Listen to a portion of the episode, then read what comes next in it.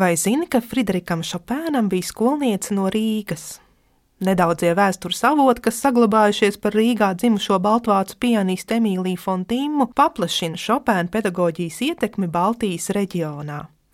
Emīlijas Fontīmas tēvs bija Rīgas birģermeistars Friedrichs Vilhelms Tims, kura nozīmīgākais devums pilsētai ir 1836. gada jūnijā organizētie Rīgas mūzikas svētki, kuros spēlējot tieši Šopēnu, dalību ņēma arī pianiste Emīlija Fontīma.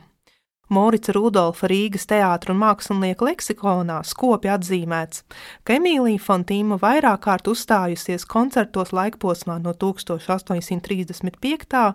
līdz 37. gadam taču tur nav pat fiksēts, ka Emīlija Fontīma skolojusies pie Friderika Šopēna, apmeklējusi 33 klavieru spēles nodarbības Parīzē laikposmā no 1842. gada līdz 1844. gadam. Šopēns bija viens no visdārgākajiem privātskolotājiem Parīzē, tomēr Fontīmu ģimene to varēja atļauties. Fontīmi bija mākslas mīļotāji un saistīti arī ar citu mūzikas ģēniju pazīšanu. Piemēram, Emīlijas Fontīmas tēvs Vīnē iepazinies ar Ludvigu van Beethovenu. Viesojoties Rīgā, Fontīmu mājās ciemojās Rihards Vāgners un Ferencs Lists. Fontīmu ģimenei vecrīgā piederēja nams mazajā jaunielā seši, kas bija garīgās dzīves krustpunkts un ar pilsētas mūzikas dzīvi cieši saistīta adrese. Mūsdienās šī nama vietā ir auto stāvlaukums, un nekas vairs neliecina par dzīvīgo mūzikas vēsturi šajā adresē. Bet Tīmu ģimenei piederēja vesela māja, kuras pirmajā stāvā bija darba telpas, Emīlijas tēva kabinets, Otrajā stāvā bija uzņemšanas telpas un sabiedriskās telpas, tā skaitā liela mūzikas zāle, kurā bieži notika koncertu vakari. Aicināti bija vietējie un ārzemju mākslinieki. Trešajā stāvā bija dzīvojamās istabas, taču ceturtajā stāvā vesela rinda viesistabu, kurās nakšņoja slavenie mūziķi. Tāpēc jāsaka, ka Emīlija Fontīma savās mājās varēja iepazīties un dzirdēt daudz tā laika Eiropas mēroga labāko mākslinieku uzstāšanos. Rīgas apdāvināto pianisti pamanīs arī kapelmeistars un mūzikas direktors Heinrichs Dorns, kur skaņdarbs viņa iestudējusi. Tomēr nozīmīgākos muzikālos iespaidus jaunajai pianistei mantojumā atstājis Frideriks Šopēns. Kā atminas Emīlija Fontīma, tad Šopēns daudz spēlējis saviem skolniekiem priekšā, ja vien veselības stāvoklis to atļāvis, un esot pagarinājis nodarbības laiku, ļaujot klausīties savus skaņdarbu atskaņojumus. Emīlija Fontīma pie viņa visvairāk spēlējusi Bahu, Beethovenu un atsevišķus Šopēna darbus. Šopēns galvenokārt devis priekšroku Baham, taču aicinājis Emīliju nospēlēt arī kaut ko nu pat komponētu.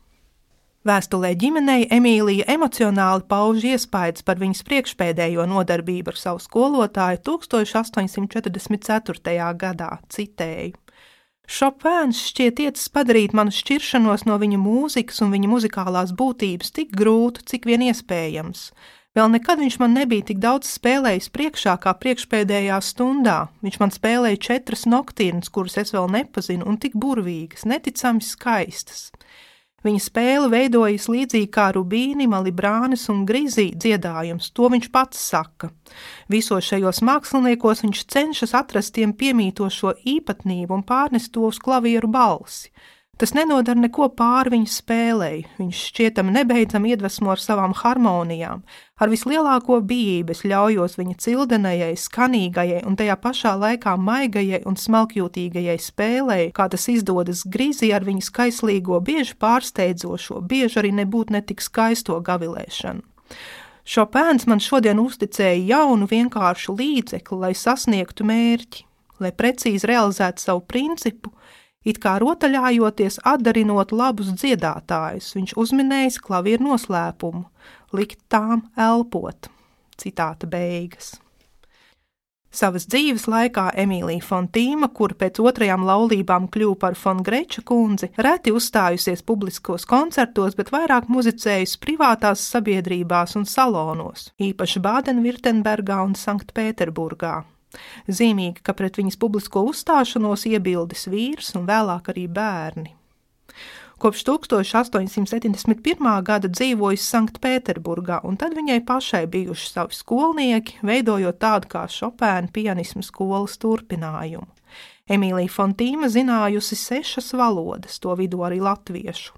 Dzīvodama Vācijā vai Krievijā, turpinājusi apciemot radus Rīgā, mirusi 1877. gadā, un nākamajām paudzēm saglabājusi savu īpašo, ļaudīm mazināmo titulu Šopēna skolniece no Vecrīgas.